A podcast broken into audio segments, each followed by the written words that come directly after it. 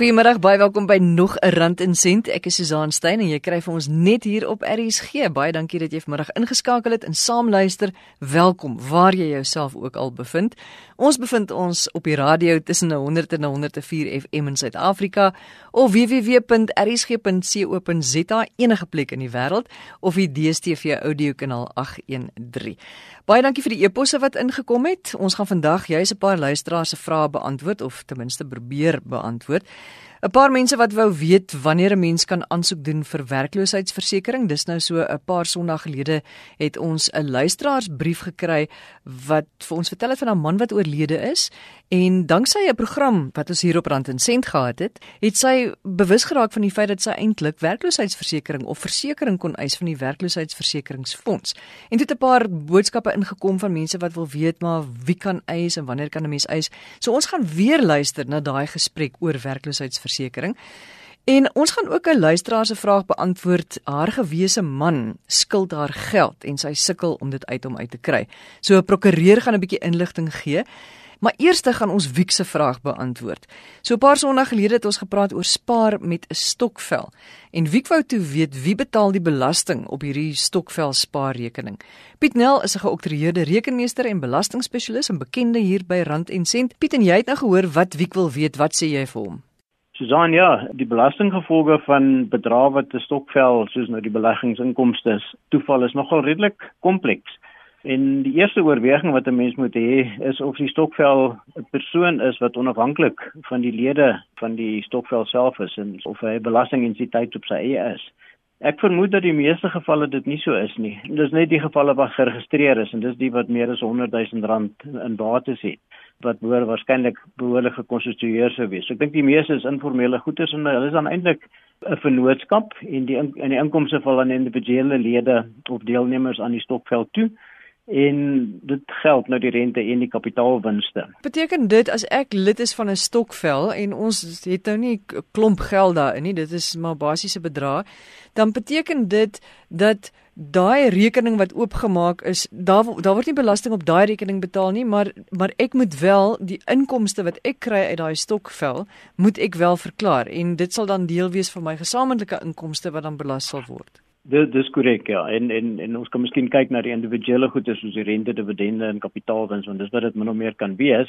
Maar dit heeltemal reg. So wanneer die banke maak daai rekening oop, ek dink hulle noem dit 'n besigheidsrekeningkie of hulle het dalk 'n ander naam vir dit, maar dit hulle beskou dit as as wesentlik uh, rekening soortgelyk as as 'n vennootskapsrekening. So dis daar 'n klomp mense en hulle sal een of twee mense sal tekenregte of in die ou in die ou taal uh, elektroniese regte om, betalings uit die rekening te kan maak.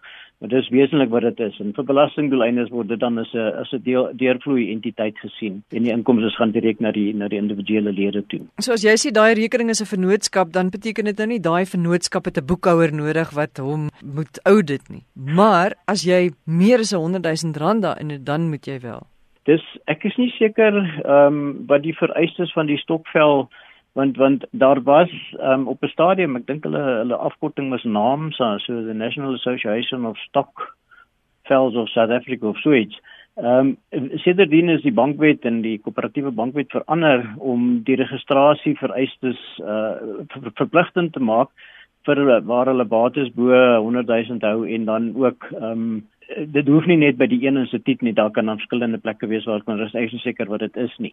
En ek is nie seker of daar dan 'n uh, vereiste is dat hulle moet moet moet 'n uh, rekenmeester of iemand aanstel nie, maar wesentlik die die goed is is bedoel om informele goederes te wees. So dit behoort nie sulke vereistes te hê nie, maar ek dink dit is belangrik dat die mense wat in die stokvel, want dit is een van die groot risiko's en dis eintlik maar dieselfde risiko wat 'n ou by 'n by 'n vennootskap het, dat die dat die, dat die lede van van hierdie stokvel moet hulle behoort rekord hou daarvan want ek meen mense moet kan jy moet daarom insaai hê in hier in wat wat gebeur met jou geld is dit wel belê en sulke goede so mense sou sou tog vermoed dat daar dat dat iemand in die stokvel verantwoordelikheid vir iets is vir so iets sou neem. So die belangrike ding wat ek moet onthou is ek deel is van 'n stokvel is dat ek maar net vir die persoon wat my boeke doen of as ek dit self doen, dan moet ek maar net daai bedrag wat ek per jaar ekstra verdien danksy my verdienste deur die stokvel dat ek dit verklaar. Ja, ek kan miskien vinnig sê wat wat met die moontlike inkomste is. Ons het nou hier 'n spaarrekening. So jy gaan nou rente inkomste verdien uit die stokvel uit en nou gaan gaan 'n mens dan bereken wat is jou gedeelte van daai rente. So kom ons sê mense het nou elke jaar elke maand bygedra en in die einde van die jaar sê ons daar's nou 10000 rand se rente en ons is drie mense,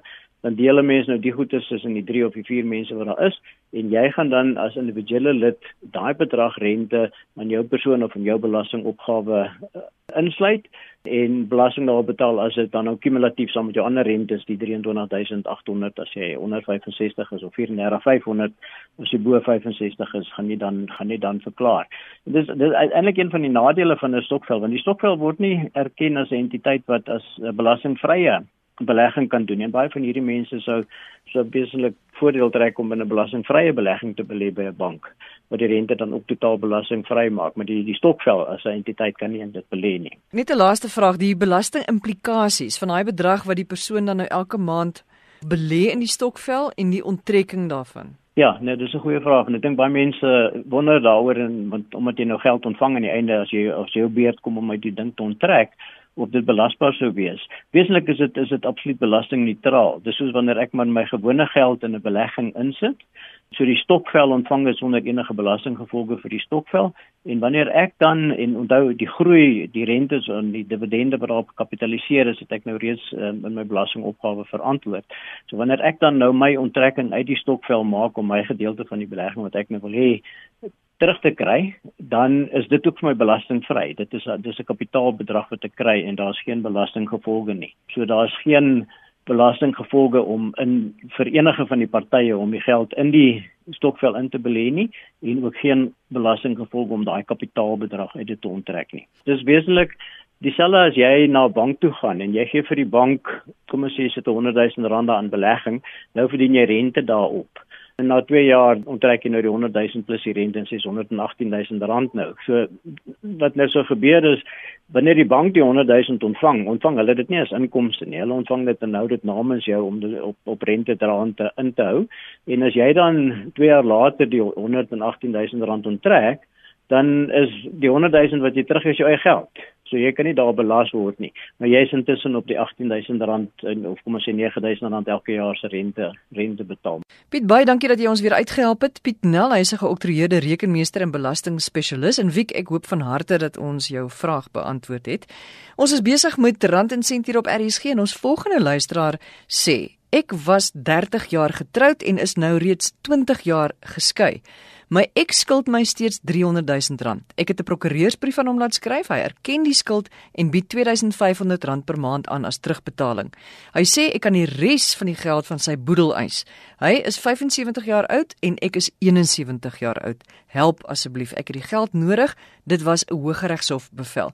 Nou Arinda Trieter is 'n assosiaat prokureur van Skuman Law ingelyf en sy het die volgende raad. Die standaard reël wat ons nou almal ken is dat 'n eis na 3 jaar verval.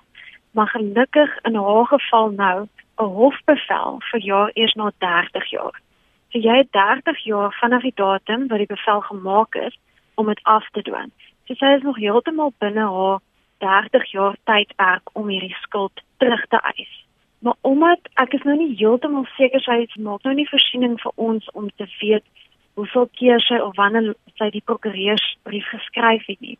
Want die hofreëls sê spesifiek as jy nie aaneenlopend vir 3 jaar enige stappe geneem het om die skuld te eis nie, dan moet jy eers die hof nader en die hof van redes voorsien van hoekom jy dit nie gedoen het nie en toestemming vra om verdere stappe te neem.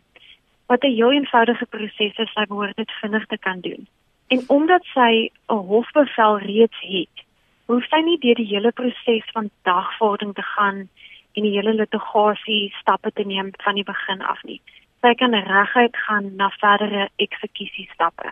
So wat moet sy doen môreoggend, maandagooggend as sy opstaan? Die vraag is nou wat ook onseker is uit haar brief uit of die skuld vir onderhoud is en of dit vir 'n ander tipe skuld is. Dat hy dalk vir iets anders skuld. As dit vir onderhoud is, sal ek voorsig gaan môreoggend eerste ding na haar naaste onderhoudshof toe met haar egskeidingsbevel en die klerk by die onderhoudshof sal haar help om 'n lasbrief vir eksekusie in te vul en uit te reik.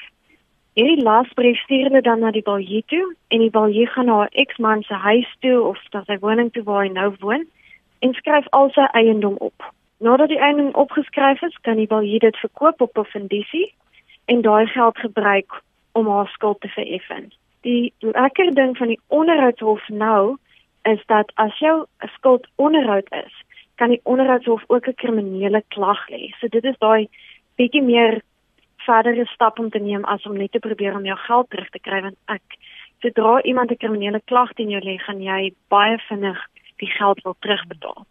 As dit nie onderhoudgeld is nie, sê nou maar dit is 'n ander tipe skuld dat hy al skuld vir iets wat sy voorheen vir hom afbetaal het en hy nou vir die geld terug moet betaal. Dan kan sy nog steeds reguit na eksekusie toe gaan, maar sy gaan dit deur die Hooggeregshof moet doen. So sy vat weer haar egskeidingsbevel, sy doen 'n beëdigde verklaring en sit uiteen wat die skuld is, waar dit ontstaan het en dat dit nog nie betaal is nie. En sy vat dit na die die griffier toe by die Hooggeregshof en hy sal dan weer 'n lasbrief van eksekusie uitreik en ons gaan dan weer daai hele hele stappe om om die om die goed te verkoop. Maar as dit laasgenoemde, as die skuld laasgenoemde is, dan dan ja. gaan sy waarskynlik 'n prokureur nodig hê om haar te help, nê? Nee? Ja, ek ek sou voorstel net omdat dit 'n uh, effens 'n ingewikkelde proses is en die griffiers by die hof hou nie gewoonlik daarvan om direk met die publiek te handel nie. So ek sou voorstel sy gaan sien 'n prokureur om haar te help met daai verklaring en met die lasbrief van eksekusie want 'n prokureur sou vir jou beter kan vertel wat daarin moet wees om die proses vinniger te laat gebeur. Maar sou jy sê dis die moeite werd? Sou jy sê dat sy behoort daai volle bedrag te kan terugkry? Ek dink definitief dit is die moeite werd vir alles wat egskeiding bevel dalk voorsiening gemaak het vir rente. Dan kan sy rente ook kry vir die afgelope 20 jaar wat hy nie betaal nie. Maar 300 000 rand is 'n klomp geld. Hmm. En sy gaan nie daai geld spandeer op litigasie nie omdat sy klaar 'n hofbevel het jy hoef nie deur die hele proses te gaan om eers 'n hofbevel te kry en dan die eksekusie te doen nie. Sy kan nou reguit gaan na eksekusie toe. So ek dink dit is definitief die moeite werd. En wat gebeur nou as so iemand net sê, "Wel, jammer, ek het nie die geld nie. Jy al wat ek jou nou kan gee is R2500 'n maand. Jy moet maar wag tot ek doodgaan, dan kan jy maar die res van my boedel eis." Ja, dit is nou die probleem hier want omdat ons sien hulle is albei al redelik ouerig en as jy niks kry deur 'n lasbrief vir eksekusie te doen nie. Sê nou maar die wil hier gaan na sy huis toe en daar's niks wat hy kan opskryf en verkoop om hierdie geld terug te kry nie. Dan kan ons aangaan na 'n lasbrief vir eksekusie op sy onroerende eiendom. So as hy 'n huis besit of eiendom besit, dan kan daai eiendom verkoop word om hierdie skuld te vereffen. Die ander roete wat 'n mens ook kan gaan wat dit lyk of hy redelik daai idee het op hierdie stadium is om hom te roep na die hof toe wat ons noem artikel 65 aansoek. So hy kom hof toe, jy sê vir die hof hier is die geld wat hy my skuld en hy moet dan vir die hof sê dit is my finansiële posisie op hierdie stadium. Ek kan 2500 rand 'n maand betaal en die hof maak so 'n bevel. Maar om 2500 rand 'n maand af te betaal aan 300 000, dit gaan nooit gebeur solank as wat hulle lewe nie. Hmm. So ek ek stel nie voor te gaan die afbetaalroete nie. Ek stel voor gaan direk vir 'n lasbrief en probeer soveel as moontlik van sy goed opskryf en verkoop as dit nie werk nie gaan vir enige onroerende eiendom wat hy besit. Jy sien is nou natuurlik hier waar die emosionele kant ook inskop want dikwels ja. wil wil mense nie baie keer is dit ook die pa of die ma van jou kinders en jy wil nou nie daai ernstige stappe doen teenoor iemand wat na aan jou kinders is nie. En dan ja. dan sê baie mense ag ek gaan dit maar eerder los en ek weet nou nie jy weet moet ek dit nou doen moet ek dit nie doen nie. Ons is nie jy weet almal is mos nou nie veglustig nie. Ja, en veral in hierdie situasie, afskeiding is altyd moeilik en is altyd baie moeiliker as daar kinders betrokke is. Maar ek voel na 20 jaar en sy sê sy hierdie geld regtig nodig. Voel ek daai bedrag geld is nie 'n klein sommetjie wat jy net kan los nie en sy het dit dalk nodig vir aftrede. Sy wil dit dalk los vir hierdie kinders wat sy dalk het op hierdie stadium. So net as gevolg daarvan sê ek nog steeds sê dit dit is die moeite werd om daardeur te gaan al gaan dit nou 'n bietjie emosioneel wees. Baie dankie Arinda vir jou tyd. Ons besef uh, prokureur se tyd is geld, maar dankie dat jy ons gehelp het. Dit is Arinda Trieter, sy's 'n assosiaat prokureur van Skumand Law ingelyf. En 'n luisteraar het so Sondag of wat gelede geskryf dat sy van die werkloosheidsversekeringsfonds geld kon eis nadat haar man oorlede is. Dit is nou nadat sy hier op Rand en Sent na 'n gesprek geluister het oor werkloosheidsversekering en wie wanneer kan eis. En dit sê sy het haar baie gehelp want anders het sy nooit geweet sy sou daai geld kon eis nie. Toe 'n paar luisteraars se boodskap boodskappe gestuur en gesê ja, wie kan eis en wanneer kan ons eis? So ons gaan nou weer luister na die gesprek met Jolandi Prinsloo. Sy is 'n onafhanklike arbeidsspesialis en sy verduidelik hoe die werkloosheidsversekeringsfonds werk. Dit is wanneer jy jou werk verloor en nie 'n salaris verdien nie, om dan vir jou finansiëel te vergoed vir die periode wat jy nie kan werk nie.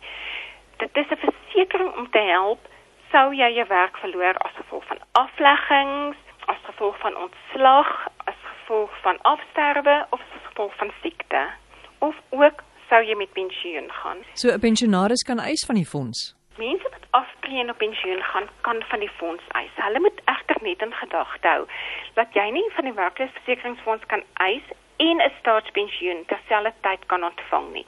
Jy gaan dus eers van die fonds kan eis en dan aansoek doen vir 'n staatspensioen. Maar wat hier belangrik is en wat luisteraars hier moet onthou is, sou jy op vervroegde pensioen gaan, gaan jy nie van die fonds kan eis nie want dit is jou keuse om vervroegde pensioen te neem en dis op te hou werk. Tensy jou werkgewer dis 'n vorm kan gee wat sê op hulle versoek het jy op vervroegde pensioen gegaan, dan verander dit die prentjie en dan sal jy wel 'n voordeel kan eis. Wie kan nog almal eis? Alle werknemers kan eis van die fonds met sekere uitsonderings en dit is slegs die volgende persone wat nie sal kan eis nie. Dit is leerders wat onder 'n leerlingskap werk, buitelandse werknemers wat op 'n kontrakbasis hier werksaam is en dan nadat die kontrak verval het, hulle dan na hulle oorspronklike land terugkeer en werknemers wat slegs kommissie verdien en geen basiese salaris ontvang nie, is ook uitgesluit, asook alle staatsamptenare en dan baie belangrik, indien 'n persoon minder as 24 uur per maand werk, sal hy uitgesluit wees.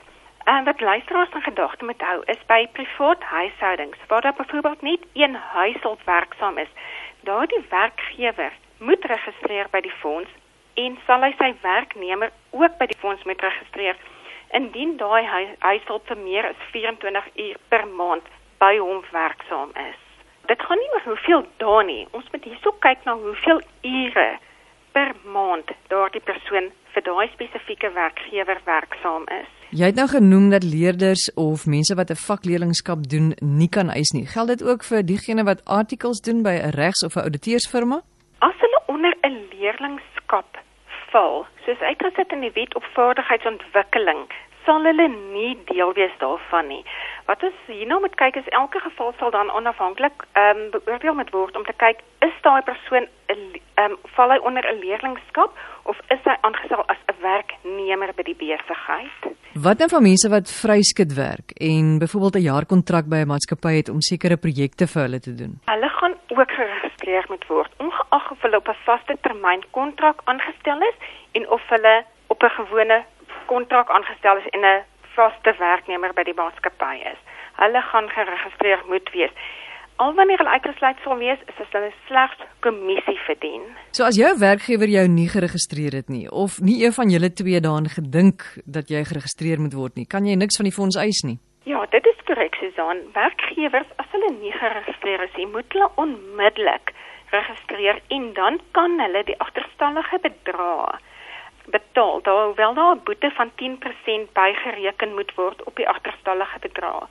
Wat hier in gedagte gehou moet word is laat die werkgewer nie nou skielik die 1% bydrae wat die werknemer moet bydra skielik van die werknemer kan verhaal om op te maak vir sy nalatigheid nie. Jolandi, hoe word die bydraes bereken? Die werkgewer moet 1% bydra vir elke werknemer wat hy het. Daardie bydrae word bereken op die werknemer se inkomste wat dan sy kommissie sal uitsluit. Die werknemer dra dan ook 1% by van sy totale verdienste. So in totaal word 2% van die werknemer se kommissie dan aan die fonds oorgedra op 'n maandelikse basis. Daar's egter 'n drempelbedrag waarop die bydraes bereken moet word wat tans R14872 'n maand beloop.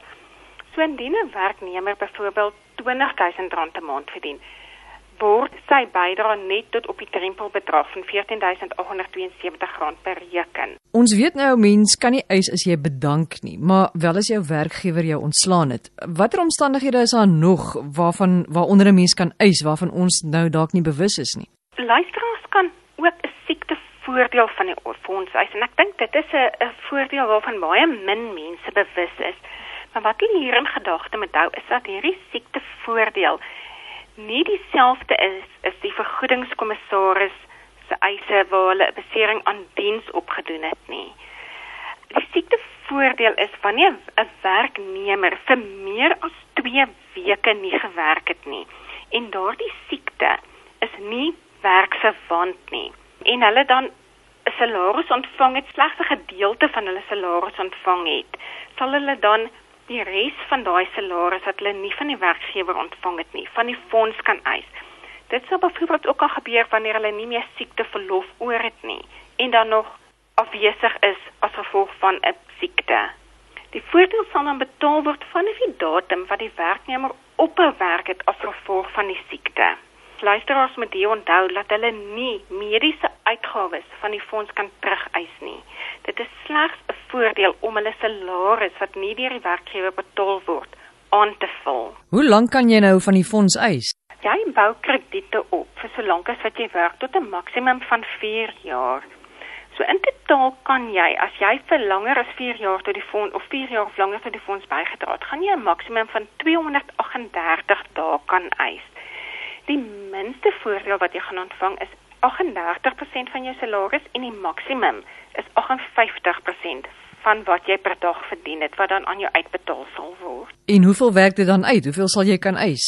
Kom ons sê jy was vir 4 jaar werksaam en jy jou maksimum krediete opgebou. Van vir elke 6 dae wat jy gewerk het, kry jy dus nou een krediet tot 'n maksimum van 238 dae se krediete.